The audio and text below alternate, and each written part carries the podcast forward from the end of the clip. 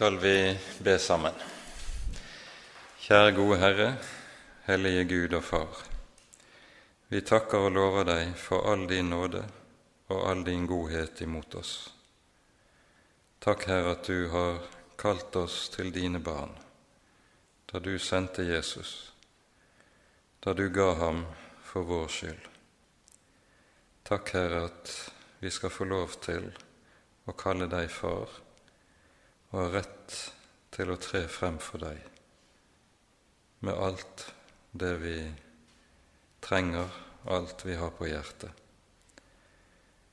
Nå ber vi, gode Herre, at du vil være hos oss med din ånd, og at du vil la oss få lov til å få lys inn i de tingene vi skal tale om i kveld. Herre, kom du og ta deg av oss for ditt eget navns skyld. Amen.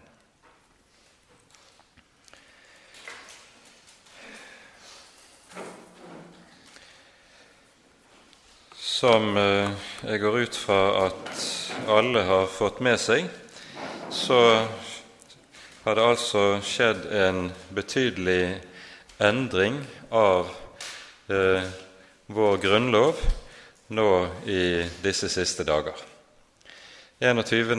mai var grunnlovsendringene som vedrører statskirkeordningen og eh, alt det som hører sammen med det oppe i Stortinget, og det forliket som eh, var forhandlet frem i 2007 i Stortinget, det ble endelig vedtatt.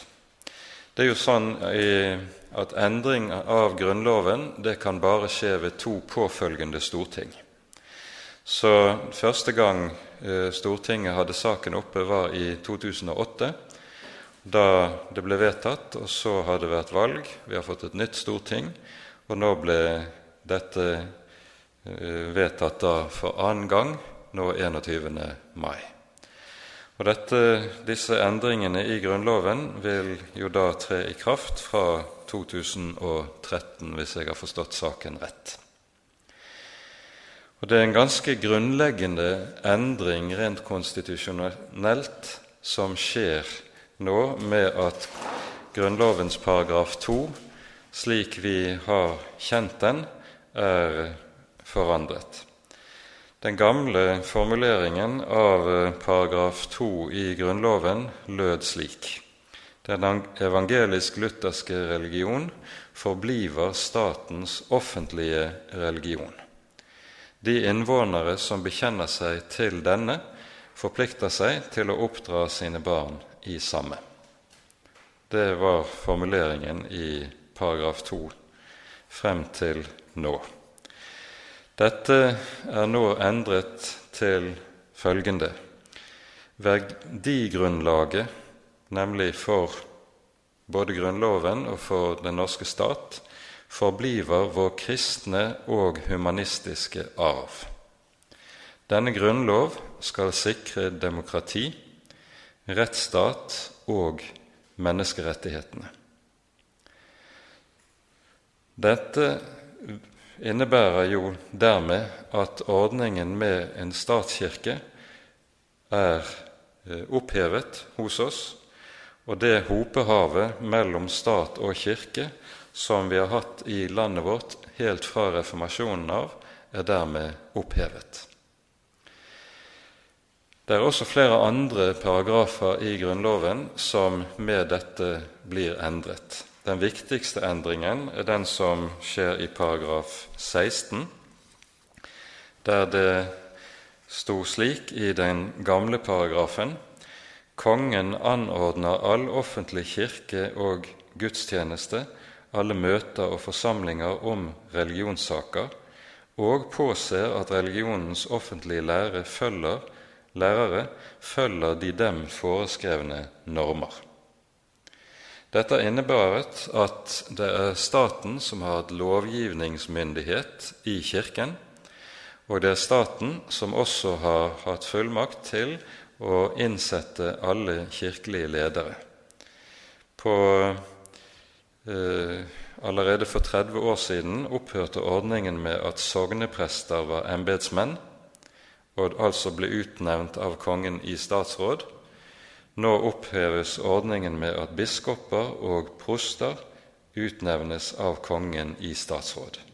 Det er Kirken selv som gjennom sine valgte organer som nå skal eh, eh, innsette og velge sine ledere. Og det er jo først og fremst bispe- og prostestillingene som da er de viktige i denne sammenheng. Dernest er det slik da at den nye paragraf 16 kommer til å lyde slik.: Den norske kirke, en evangelisk-luthersk kirke, forbliver Norges folkekirke og understøttes som sådan av staten. Andre tros- og livssynssamfunn understøttes på like linje. Det er formuleringen av den nye paragraf 16. Det dette medfører, det er at vi fortsatt altså beholder en folkekirke som staten forplikter seg til å forsørge rent økonomisk, hvilket innebærer at staten vil besørge både prestelønninger, og det offentlige skal også ha ansvar for å reise og vedlikeholde kirkebygg.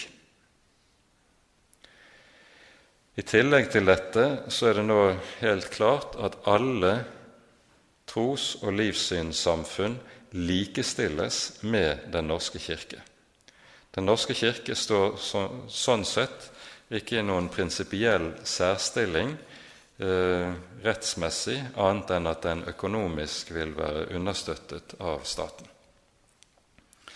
Så er det en del andre paragrafer i Grunnloven som også må endres, bl.a. paragrafen om at eh, minst halvparten av statsrådene i Kongens råd skal være, tilhøre Den norske kirke.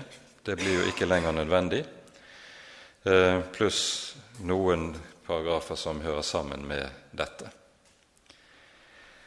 Det er altså endringen, og det er en vesentlig konstitusjonell endring det her dreier seg om. Og eh, vi har vel registrert også alle sammen at det har vært til dels ganske eh, sterke protester mot endringen, selv om det ikke har vært de som har protestert, har vært svært tallrike.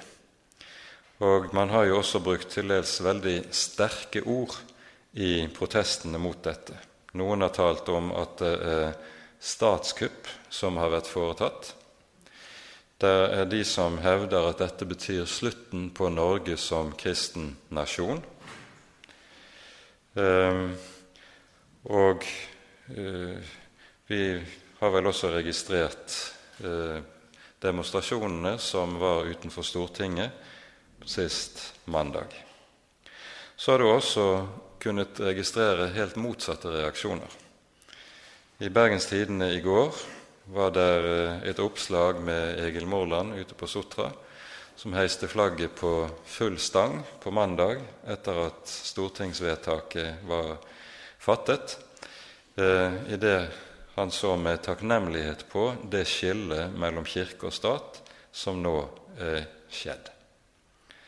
Så det er altså ganske motsatte reaksjoner vi kan registrere. Spørsmålet er hvordan skal vi tenke om disse tingene?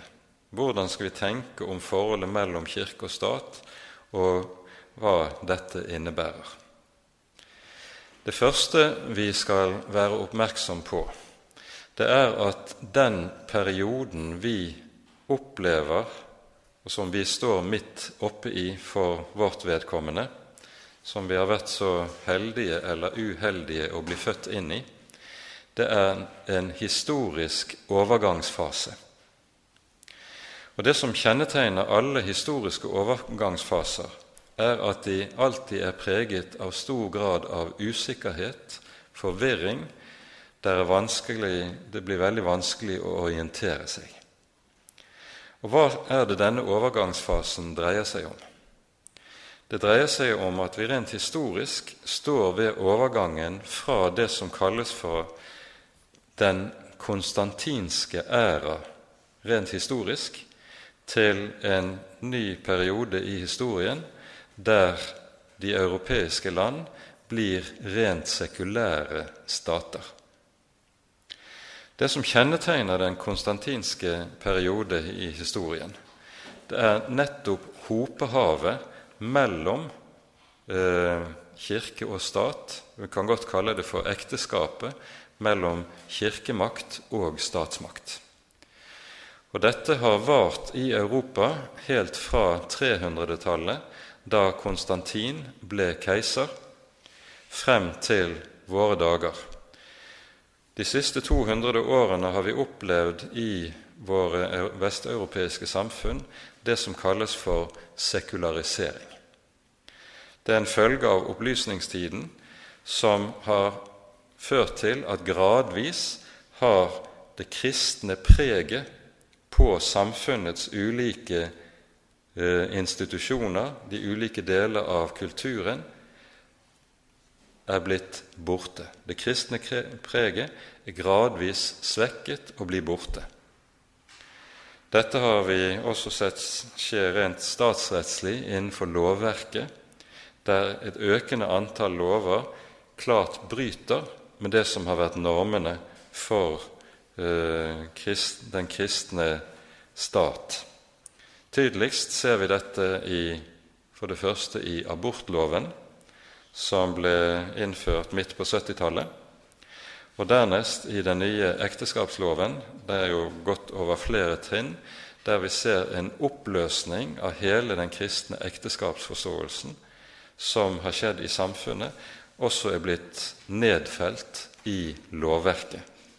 Og Så har vi fått den likekjønnede eh, ekteskapsloven, som på radikal måte redefinerer hva et ekteskap er. Det redefinerer ekteskapet på en måte som gjør at denne loven er umulig å anta for troende mennesker. Den konstantinske periode den begynner altså på 300-tallet. Keiser Konstantin kommer til makten i 312. Da seirer han i slaget ved Den milviske bro utenfor Roma og blir eh, hersker over det vestromerske riket. Forut for Konstantin hadde keiser Diokletian regjert. Og Under Diokletian hadde Kirken opplevd sin verste forfølgelse overhodet, som hadde foregått i Romerriket i løpet av de 300 årene som var forut for Konstantin. Og Så kommer Konstantin på tronen, og ett år etterpå, i 313, utsteder han det som kalles for sitt toleranseedikt, der kristendommen blir tillatt religion. Teksten i ediktet lyder slik at det nærmest blir total og fullstendig religionsfrihet det er nesten som eh, du kan lese en moderne tekst som taler om religionsfriheten når du leser Konstantins edikt. Og Så går kristendommen altså over fra å være forbudt og dermed forfulgt religion til å bli tillatt religion. Noen år senere beseirer Konstantin så han som har hatt keisermakten i det østromerske riket, Maxentius, og dermed så ble han keiser over hele det veldige romerske imperiet. Og Dette fører så med seg at i 324 innfører Konstantin nye lover som gir, gjør kristendommen til favorisert religion. Det blir den religion som keiseren selv har og understøtter, og vi ser Konstantin, dette bl.a. får til følge at Konstantin begynner å reise store og praktfulle kirkebygninger rundt i det veldige Romerriket. Konstantins mor, f.eks., Helena, reiser omkring i Israels land og prøver å finne alle de viktige stedene fra Jesu liv. Overalt hvor hun mener seg å kunne identifisere viktige steder fra Jesu liv, reises det kirker. Du har fødselskirken i Betlehem, stammer fra denne tid. Du har gravkirken i Jerusalem, den stammer fra dronning Helena, eller dronningmoren Helena, osv. Så, videre. så dette er et radikalt eh, tidsskifte for den kristne kirke. Alt snus på hodet. Når vi så kommer til en av Konstantins etterfølgere, keiser Theodosius, så gjør han i år 380 kristendommen til statsreligion. Det er ikke bare, lenger bare en foretrukket religion, men det er statens offentlige religion. Det innebærer at kristendommen blir den statsbærende og statslegitimerende tro og religion i det veldige Romerriket. Dette er viktig å være oppmerksom på. Kristendommen får med andre ord en helt sentral betydning rent politisk i det romerske riket. Den blir statsbærende ideologi. Og keiseren, er han da? Han er keiser av Guds nåde. Han ses på som den som av Gud er innsatt på tronen. Den kristne Gud Fader har innsatt keiseren, og han regjerer på Guds vegne over Romerriket. Og Derfor er bildet av keiseren å se på som et slags Guds bilde. Og Vi ser dette kommer også til uttrykk i kirkekunsten. Når Kristus nå etter hvert avbildes i kirkekunsten, så avbildes han gjerne som keiseren, pantokrator, den allmektige, med keiserlige regalier. Og Keiseren blir da så å si et jordisk bilde av den allmektige Kristus. Så, i 391, så går Theodosius enda et skritt videre. Han forbyr all annen gudsdyrkelse. Nå gjelder ikke Konstantins toleranseedikt lenger, der det er fullstendig religionsfrihet. Nå forbys all annen gudsdyrkelse enn den kristne tro, det som da var den katolske kristne tro. Hva får dette til følge? Jo, forbindelsen mellom stat og kirke fører jo til at keiseren ved sine midler håndhever Kirkens saker. Det blir altså keiseren som ved hjelp av lov og det maktmiddel keiseren har, nemlig han kan komme med straffereaksjoner overfor de som bryter loven, noe som medfører at kristendommen nå fremmes ved hjelp av keiserens maktmidler. Mennesker begynner å tvinges inn i den kristne kirke. Før 313 så hadde Den kristne kirke vokst ene og alene gjennom forkynnelsen av Guds ord. Det var ordets egen overbevisningskraft som skapte Den kristne kirke. Og Den kristne kirke vokste trass i forfølgelser, trass i forvirring skapt av vranglære, så vokste den til den til slutt ble en så betydelig faktor at Konstantin antagelig har tenkt en at if you can't beat them, join them.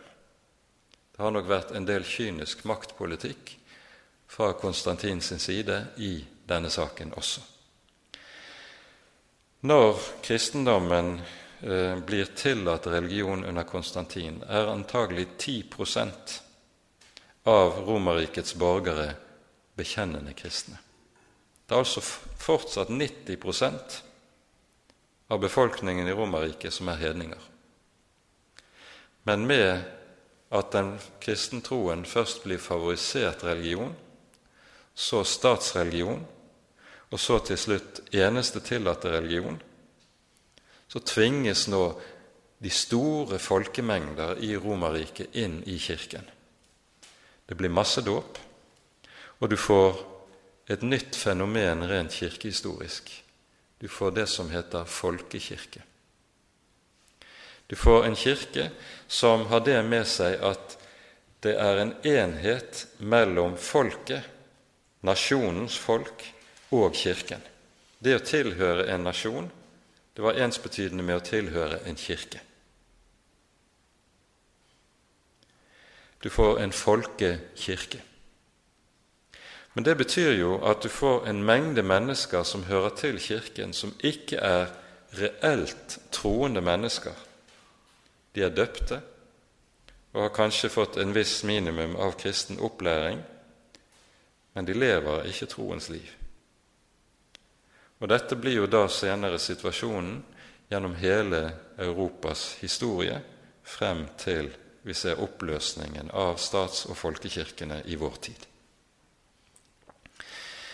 Men vi legger altså merke til dette. Det begynner, man begynner å bruke makt for å tvinge folk inn i den kristne kirke og inn i den kristne tro. Er ikke det et problem? Allerede i Theodosius' tid så brottes flere teologer og kirkemenn med spørsmålet. Og den som kom til å bli avgjørende på dette området, det var Augustin. Som alle kjenner navnet til. Han lever frem til 430, og en biskop i Hippo i Nord-Afrika. Etter å ha kjempet med problemet en tid, så avklares Augustin og mener at det er kristelig legitimt at keiseren kan bruke makt for å tvinge mennesker inn i kirken. Og Han begrunner dette på dobbelt vis. For det første gjennom å vise til Det gamle testamentet, hvorledes forholdene var i gammeltestamentlig tid. Og for det andre er det én bestemt tekst i Det nye testamentet som blir uhyre sentral. Det er Lukas 14, 23, der vi hører Jesus fortelle lignelsen om det store gjestebudet. Og Der husker dere hvordan det er at etter at de første som var innbudt til eh, gjestebudet, unnslår seg, så sendes tjenerne ut på veikjelene for å innby alle, og så står det nød dem til å komme inn. Og dette ordet som heter 'nød dem', det kan i den gamle latinske bibeloversettelsen som ble brukt da, også oversettes med 'tving dem til å komme inn'. Og Fra da av så blir dette sett på som noe som er legitimt innenfor den kristne kirke. Å bruke makt for å tvinge mennesker til tro. Og Dette kommer jo til å prege store deler av middelalderkirken. Det er dette som er bakgrunnen for korstogene. Det er dette som er bakgrunnen for inkvisisjonen. Og det er dette som er bakgrunnen for det vi har opplevd i vårt eget land i statskirkesystemets tid. Det som nemlig er tilfellet, er at når vi kommer til reformasjonsårhundret, så gjør Luther det som er en nødordning hans, fra hans side. For å redde reformasjonen så allierer Luther seg med fyrstemakten på en slik måte at vi får lutherske stats- og folkekirker. Og I disse folkekirkene er det kongen som er øverste biskop, summus episkopos. I disse folkekirkene er det en enhet mellom kirke og stat, der Kirken kommer i et avhengighetsforhold til statsmakten som er mye, mye sterkere enn det som var tilfellet i katolsk middelalder. Den katolske kirke eh, beholdt alltid en relativ selvstendighet i forhold til statsmakten, og kjempet drabelig for også å beholde denne selvstendighet. De lutherske kirker beholdt ikke en slik selvstendighet. Vi får et statskirkesystem der kongen er øverste biskop, og kongen bruker makt for å tvinge innbyggerne til tro. Aller sterkest kommer dette til uttrykk hos oss. I Danmark-Norge kommer i 1735 sabbatsordinansen.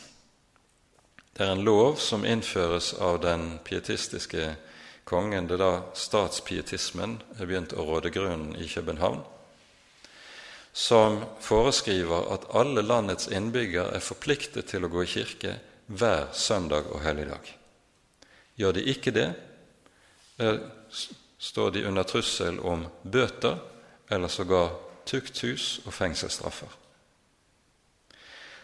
Du finner lignende tvangsmidler som kommer til å innføres på en rekke andre områder i samfunnet også. Den aller viktigste er kanskje det som kommer med konfirmasjonen.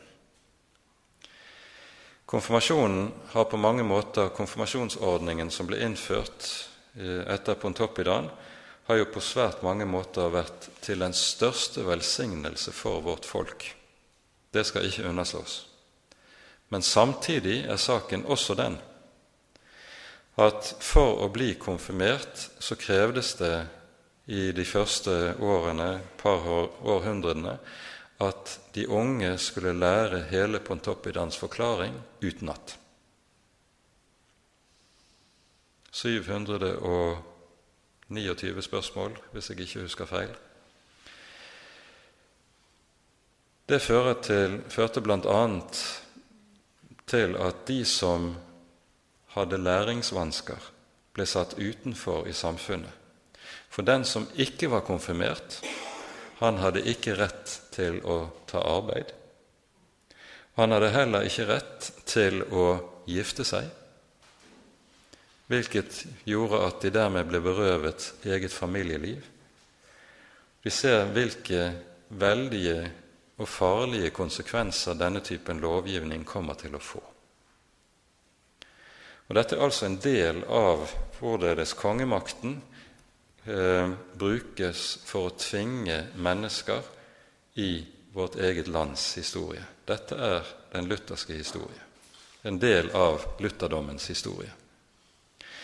Og Dette er også bakgrunnen for mye av det agg og det fiendskap som man finner mot kirke og kristen tro i deler av befolkningen. Minnet om denne typen fenomener ligger fortsatt latent i deler av befolkningen. I hvert fall de deler av befolkningen som har noenlunde historisk bevissthet. Forholdet mellom kirke og stat kan på mange måter beskrives som en slags ekteskap, men der det jo er slik at i ekteskapet er det statsmakten som har alle maktmidler. Kirken, f.eks. i vårt eget land, har jo lenge ønsket selvstendighet i forhold til den norske stat. Allerede da parlamentarismen ble innført i 1884, kom det meget klare og bevisste røster i Den norske kirke som krevde selvstendighet i forhold til statsmakten. Hvorfor? Jo, fordi når parlamentarismen innføres, da er det ikke lenger den kristne konge som er Kirkens øverste ledelse, Kirkens hode og biskop, men det er en sekulært valgt regjering. Og En kristen kirke kan ikke ha en sekulær regjering som sin ledelse. Det gir seg selv ut fra Det nye testamentet. Og Derfor kom kravet på selvstendighet fra statsmakten allerede i 1884 i vårt eget land. I løpet av etteråret 1884 var det en veldig debatt om disse tingene i Stortinget. Og Stortinget satte av en hel uke til å drøfte kirkespørsmålet. Og politikerne ble etter hvert enige om jo, Kirken skal få reformer, Kirken skal få lov til å bli selvstendig i forhold til statsmakten, men på ett vilkår. De konservative i Kirken må ikke få noen lederplass innen Kirken. Og når kirkeledelsen ikke kunne love noe slikt, så ble det ingenting av det. Det eneste som kom ut av alle, alle bestrebelsene på reformer av Kirken i Norge, var at vi i 1920 fikk loven om menighetsråd. Og det var det. Den konstantinske æra, den gjør uhyre mye med den kristne tro og den kristne kirke. Konsekvensene av konstantinismen, hva er det? Vi har sett på én ting at vi får en enhet mellom kirke og folk, mellom kristendom og statsmakt. Det er den viktigste saken. For det andre får vi det som kalles for en kristen enhetskultur.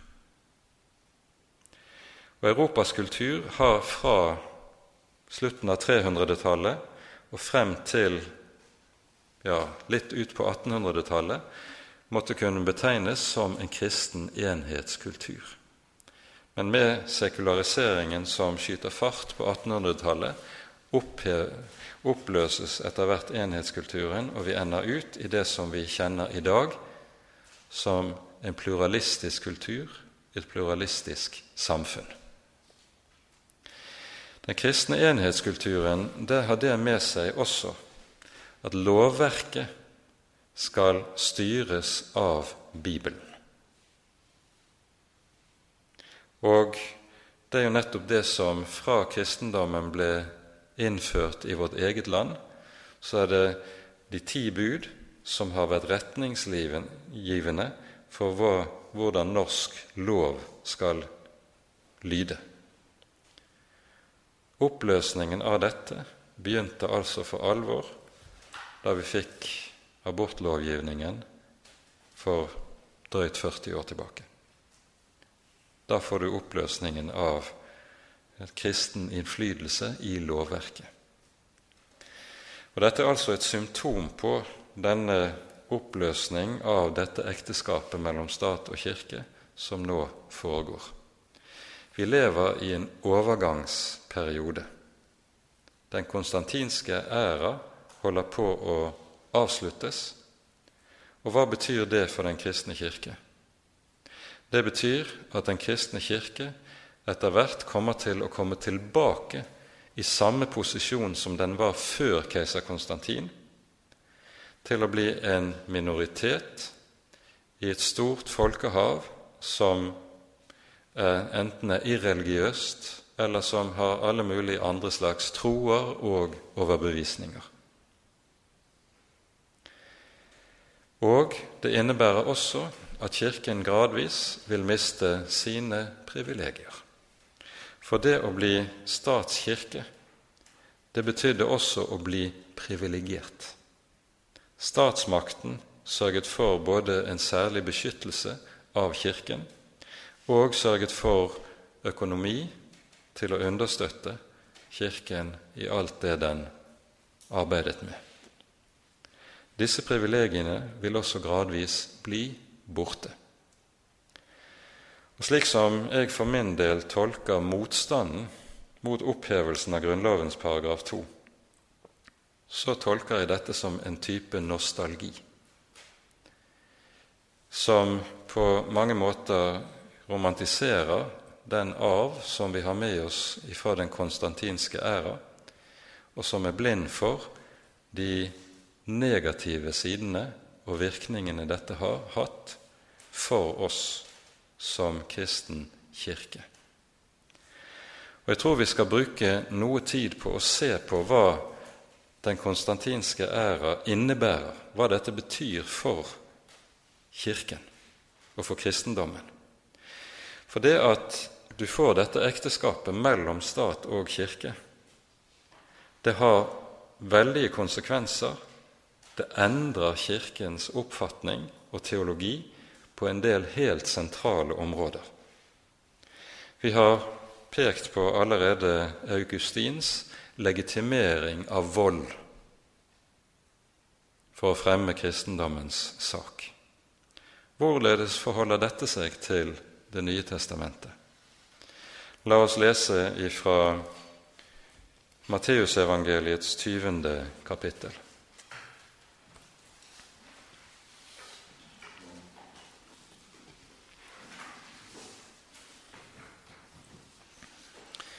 Bakgrunnen for dette som vi her leser, er at disiplene har på ny diskutert seg imellom hvem av dem som er den største. Så etter denne diskusjonen så kommer Jakob og Johannes til Jesus og spør om de kan få sitte ved hans høyre og hans venstre hånd i hans fullkomne rike. Dere vet ikke hva dere ber om, sier Jesus. Og så leser vi videre, altså Matteus 20, fra vers 25. Jesus kalte dem til seg og sa:" Dere vet at fyrstene hersker over folkene sine, og stormennene deres bruker makt over dem. Slik skal det ikke være blant dere. Men den som vil være stor blant dere, han skal være de andres tjener. Og den som vil være den første blant dere, han skal være de andres trell. Like som menneskesønnen ikke er kommet for å la seg tjene, men for selv å tjene og gi sitt liv til en løsepenge i manges sted. Saken er den at når Jesus kommer og forkynner Guds rike, så er Guds rikes hemmelighet det er Guds ord. Det er ved sitt ord og forkynnelsen av dette ord at Jesus utbrer sitt rike. Og det er dette ord som har det med seg at Den hellige ånd er bundet til ordet og virker i og med ordet på menneskenes hjerter, til å skape tro, til å skape overbevisning, til å skape nye liv, til å skape kristne menigheter. Det er ordet som gjør det. Der Den kristne kirke begynner å bruke andre virkemidler enn ordet, da setter Den kristne kirke sin lit til kjød, til kjødelige midler. Og ikke minst det å bruke makt, statens maktmidler. Det er kjødelige midler.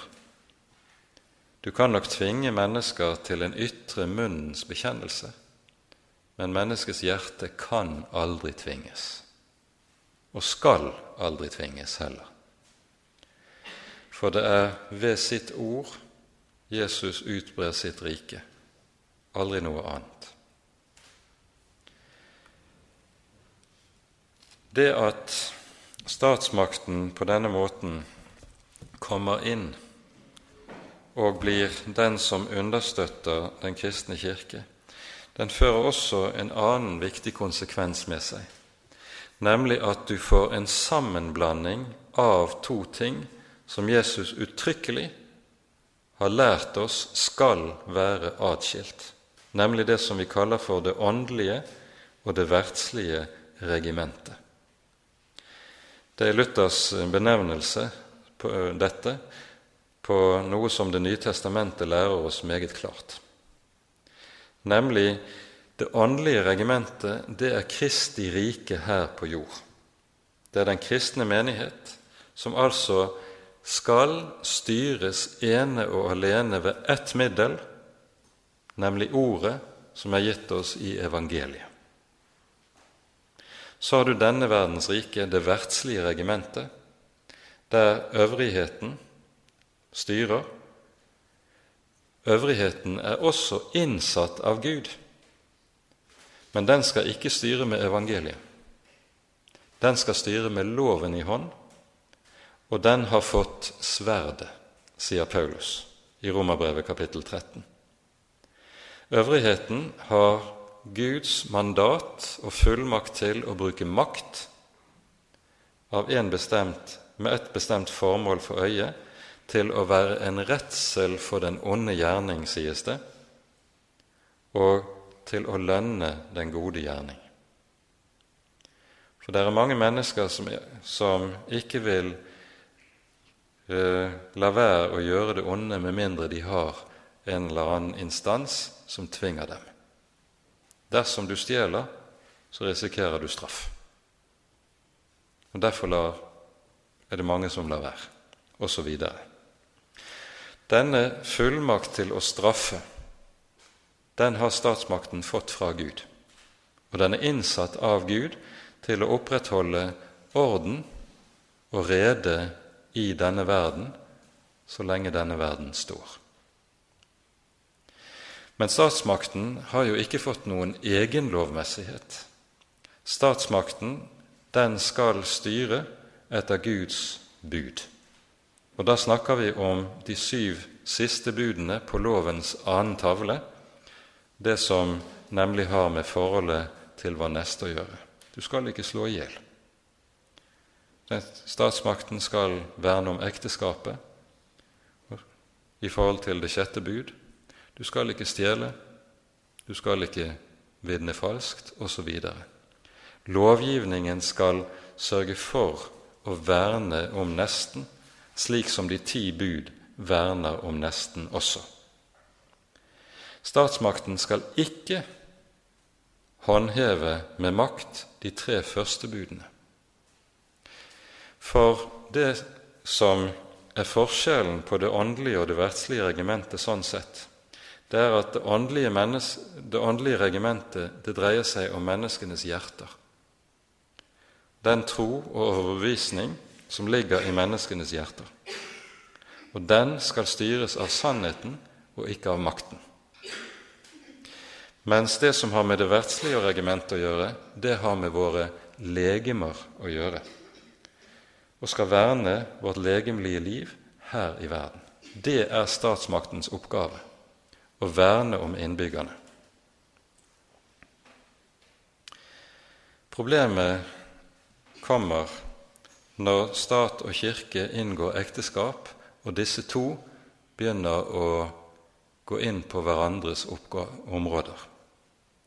I middelalderen ser vi at Kirken stadig søker verdslig makt. Pavene det er jo en del av det som kalles for investiturstriden for de som kjenner middelalderhistorien, så ønsket pavene også å ha den høyeste makt i det verdslige regimentet. Da går Den kristne kirke langt utover sitt mandat, og den blir slik som søker å være herrer i denne verden og bruker ytre maktmidler. Og Du ser en rekke av pavene de opererte med egne hærer. De var sågar selv soldater som dro i krig, osv. Og, og vi vet hvordan det har vært både med inkvisisjon og andre ting i sammenheng med dette. Da bruker man det verdslige regimentets maktmidler for å håndheve det åndelige regimentet og opprettholde det. Det er i strid med Guds ord.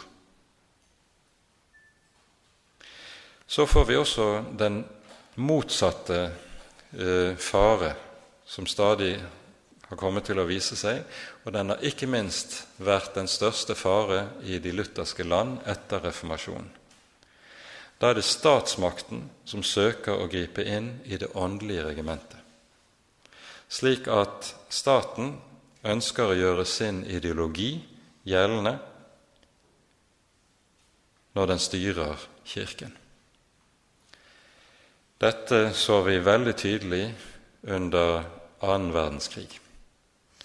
Og Derfor fikk vi i 1942, første påskedag, en bekjennelse som ble avlagt av Den norske kirke i klar motsetning til, opposisjon til, den nazistiske øvrighet som rådet grunnen under krigen.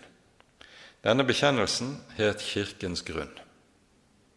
Og den gjør opp meget klart hvorledes det er en forskjell på det åndelige og det verdslige regimentet, og at staten ved sine maktmidler ikke har noe med å søke å prøve å styre menneskenes hjerter. Det hører det åndelige regimentet til. Og derfor heller ikke har lov til å søke med makt å styre Kirken. Og så nedla da prestene og biskopene i Den norske kirke sine embeter første påskedag i 1942 for å markere denne adskillelse. De fortsatte i sin tjeneste som prester og biskoper i Kirken, men de hadde kun ansvar for de åndelige ting som Kirken foretar seg. Den statlige del av embetene den ble lagt til side. I de siste 40 årene har vi sett på ny og på ny at statsmakten har søkt å gjøre seg gjeldende ideologisk når det gjelder å styre Kirken. På flere områder, men det viktigste har jo vært når det gjelder utnevnelsespolitikken av kirkeledelse. Særlig har Det norske Arbeiderparti vært meget aktive med å utnevne biskoper som kan fremme det som er Arbeiderpartiets agenda inn i Den norske kirke, og skape en folkekirke i Arbeiderpartiets bilde. Og de har jo i meget stor utstrekning lykkes, såpass langt at det kan langt på vei være dekning for å si at Den norske kirke på mange måter i dag er en del av det sosialdemokratiske velferdsapparatet i vårt land.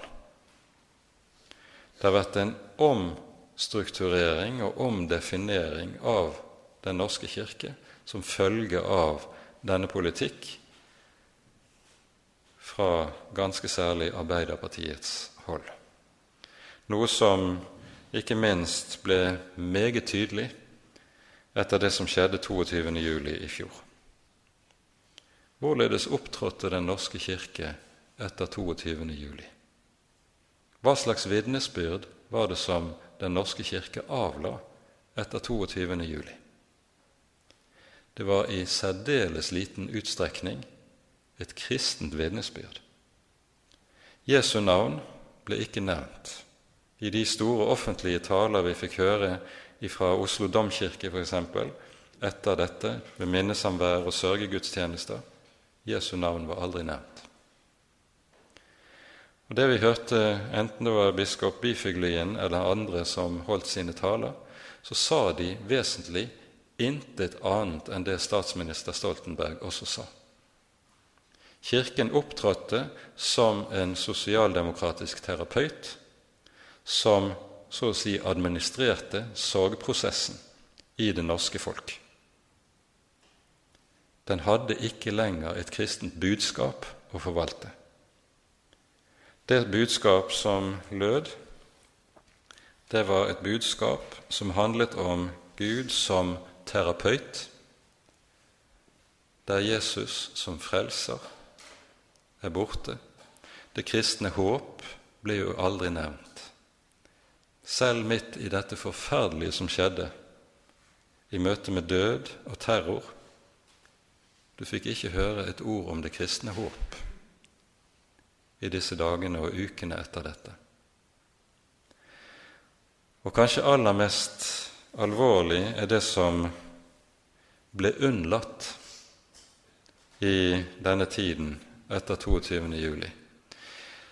Det som nemlig alltid har vært en hovedsak tidligere i vår kristne kirkes historie.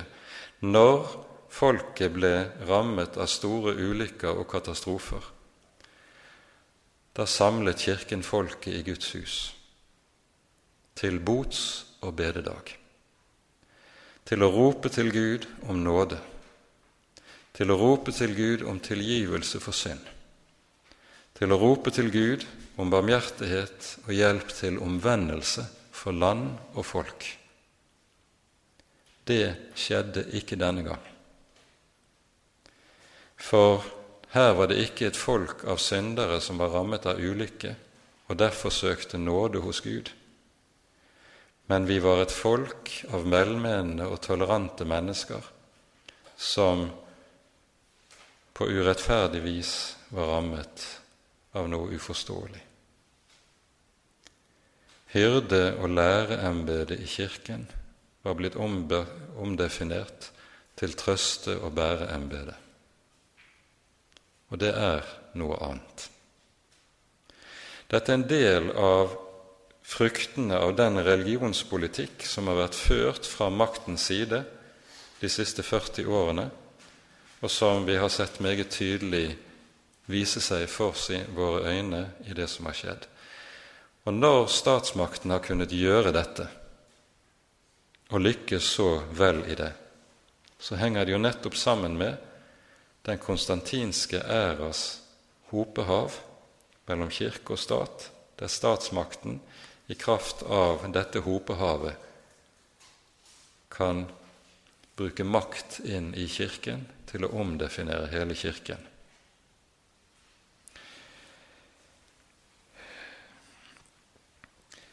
Dette som vi dermed også har vært vitne til, det er noe Bibelen også taler om i flere sammenhenger.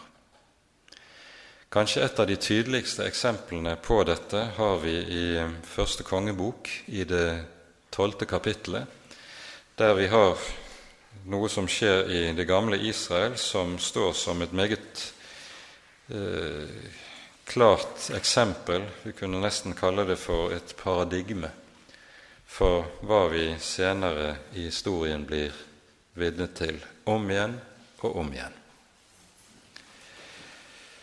Det som er situasjonen her, det er at etter Salomos død så deles Salomos rike. Det deles i et Nordrike og et Sydrike. Nordriket blir bestående av de ti stammer, som og kalles etter dette i Bibelen for Israel, Sydriket består av to stammer, Judas stamme og Benjamins stamme, og får sin hovedstad i Jerusalem og kalles altså for Juda. Han som er den første konge i Nordriket, heter Jeroboam. Og vi hører hva Jeroboam gjør når han kommer til makten. Og Dette leser vi om da fra vers 26 i første kongebok 12. Jeroboam tenkte ved seg selv. Riket kunne snart komme tilbake til Davids hus. Dersom dette folket drar opp for å bære frem offer i Herrens hus i Jerusalem, så vil deres hjerte igjen vende seg til deres herre Rehabeam, Judas konge. Og så vil de drepe meg og vende tilbake til Judas konge Rehabeam. Kongen holdt rådslagning.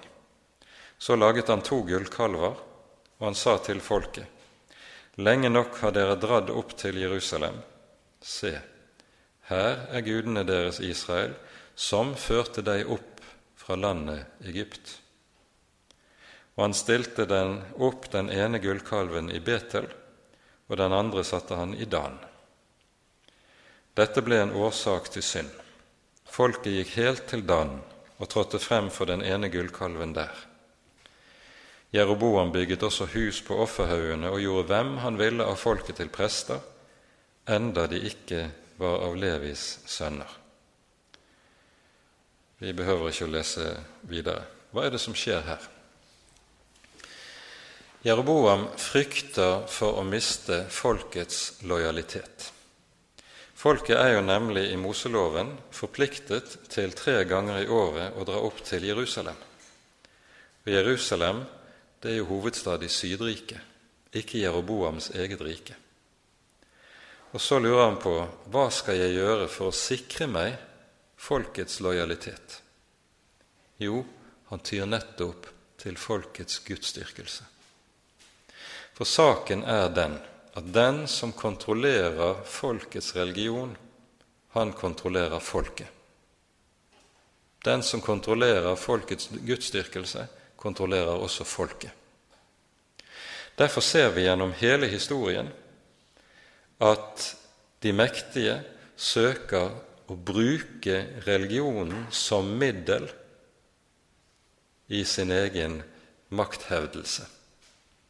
Om igjen og om igjen ser vi dette, og dette har også ytret seg hele veien oppover gjennom den konstantinske æra i forholdet mellom kirke og stat. Religionen brukes som middel i de mektiges hånd. for å sikre seg folkets lydighet og folkets lojalitet. Når Jeroboam gjør det han gjør, setter opp to gullkalver, så gjør han noe som er meget populært. Det var nemlig slik i oldtiden at oldtidens mennesker ikke kunne forestille seg guddommer uten at disse var symbolisert gjennom gudebilder. Derfor var gudebildene, gudestatuene, som vi finner så mange av fra antikken, de var en helt vesentlig del av menneskenes gudstro. Og det at vi i Moseloven finner det helt radikale forbudet mot å lage bilder av Gud, og dermed også noe som kunne tilbes. Det er noe som var så imot strømmen og så ubegripelig for oldtidens mennesker at vi ser Israel om igjen og om igjen faller i den grøften at de lager seg bilder. Når Jeroboam altså setter opp gullkalvene i Betel og i Dan, altså ved sydgrensen og nordgrensen i sitt rike, så gjør han noe som er forståelig for folk. Han innfører en gudsdyrkelse som er populær, som folk liker, og som de kan begripe. Nettopp derfor kan han holde på folket. Han populariserer gudsdyrkelsen for å holde på folket.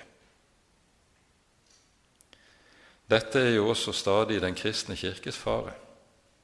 Når vi ser at det er mange som vender kristendommen ryggen, så prøver man å ty til ulike midler der man populariserer troen for å holde på folk. Det er stadig en fare for den kristne kirke å gjøre det.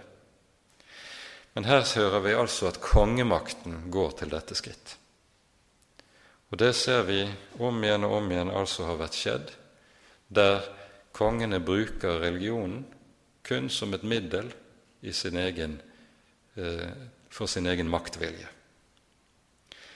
Jeg vet ikke om noen av dere har lest Machiavellis bok 'Fyrsten', som jo så å si har vært lærebok for alle diktatorer eh, i historien fra den ble skrevet. Boken kom ut i 1513. Han var virket selv i Florens i Italia, og den beskriver hvorledes en fyrste kynisk skal bruke makten for å beholde den og sikre den.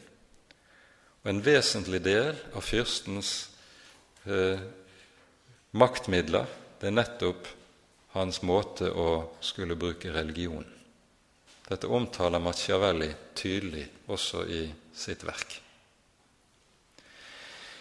Vi behøver ikke å komme videre inn på dette. Det er også en annen side ved statsmaktens innflytelse på den kristne kirke som har vært uhyre viktig og uhyre avgjørende i de lutherske land. Og det er at statsmakten har hatt hånd om presteutdannelsen.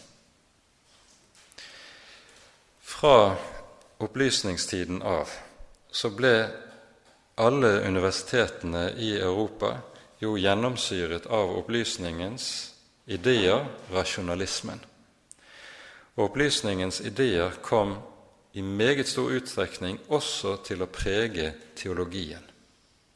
Teologien skulle omdefineres til å bli vitenskap på linje med de øvrige vitenskaper som gradvis hadde vokst frem. Men skal teologien være vitenskap på linje med fysikk, og kjemi og biologi, da får du jo et problem. Gud kan ikke veies eller måles. Underet kan ikke bevises. Beretningen om Kristi oppstandelse kan slett ikke bevises. Hva skal man da gjøre med Bibelens beretninger om disse ting? Og så blir det dette som fører til fremveksten av det vi kaller for den liberale teologi. Og De statlige universiteter er det som i alle de europeiske land hvor du har statskirkeordning, er det som i all hovedsak står for og er ansvarlig for utdannelsen av prester. Dette er en uhyre betydningsfull side ved den utviklingen vi har sett i, hos oss frem til i dag. Eh, mye kan være å si om det, men vi skal bare la det være med antydninger i denne sammenheng. Det som er avgjørende, sånn som Det nye testamentet tenker, det er at det åndelige og det verdslige regimentet må ikke blandes sammen. Og det at vi nå får skille mellom kirke og stat, det er noe som på ny kan gi mulighet for at dette kan realiseres. At vi ikke lenger har den sammenblandingen av det åndelige og verdslige regimentet som vi har hatt, og som vi har sett til dels ytterst problematiske konsekvenser av i vår historie. Dere forstår dermed at sånn som undertegnede tenker, så tror jeg at jeg helst ville slått følge med Egil Morland og heist flagget sist mandag. For jeg tror dette er et riktig skritt, selv om det også er meget vemodig at dette skjer. For vi vet jo også hvilke krefter i vårt land og vår historie og kultur som har drevet dette frem. Det er krefter som i utpreget grad er kristendomsfiendtlige. Likevel, når vi kjenner litt til Kirkens historie, så vet vi at det å være en kristen minoritet uten makt av verdslig art, slik Kirken var det før Konstantin, det var slett ingen ulempe. Da var det Kirken hadde en livskraft som den siden kanskje i stor utstrekning har savnet. Fordi kraften, livskraften da kom til å ligge i avhengighet av evangeliet, avhengighet av at Jesus holdt ord og ikke lenger, og at Kirken ikke hadde ytre maktmidler som krykker å støtte seg til. Det er sunt for den kristne kirke å bli fratatt privilegier. Det er sunt for den kristne kirke å bli fratatt ytre makt og innflytelse. For det kan tvinge frem nettopp at vi på ny må besinne oss på hva det er vi som kristen kirke lever av og på, og hva som er sentralt. Så skal vi se i øynene at med avslutningen av den konstantinske æra, som altså er den overgangsfase vi opplever rent historisk, så står vi overfor en ganske ny type samfunnsdannelse, den sekulære stat, som bygger på andre verdier, på en annen grunnvoll, enn det landet vårt frem til nå, i hvert fall i teorien, har bygget på. Men vi får midt oppi dette samtidig en mulighet til ny besinnelse på hva det er å være en kristen kirke her i verden. Og da tror jeg vi opplever noe som er sunt. Men det tror jeg vi skal sette punktum. Det er mye, mye mer å si om disse tingene, men tiden løper fra oss. Ære være Faderen og Sønnen og Den hellige ånd, som var og er og være skal en sann Gud, høylovet i evighet. Amen. Da tror jeg vi skal gjøre det sånn, i anledning temaet vi har hatt, at vi reiser oss og synger Fedrelandssalmen. Den står på nummer 683 i salmeboken, og vi synger de, tre, de to første og de to siste versene. 600 Hva? Ja. Den står på nummer 683 i salmeboken, og vi synger de to første og de to siste vers.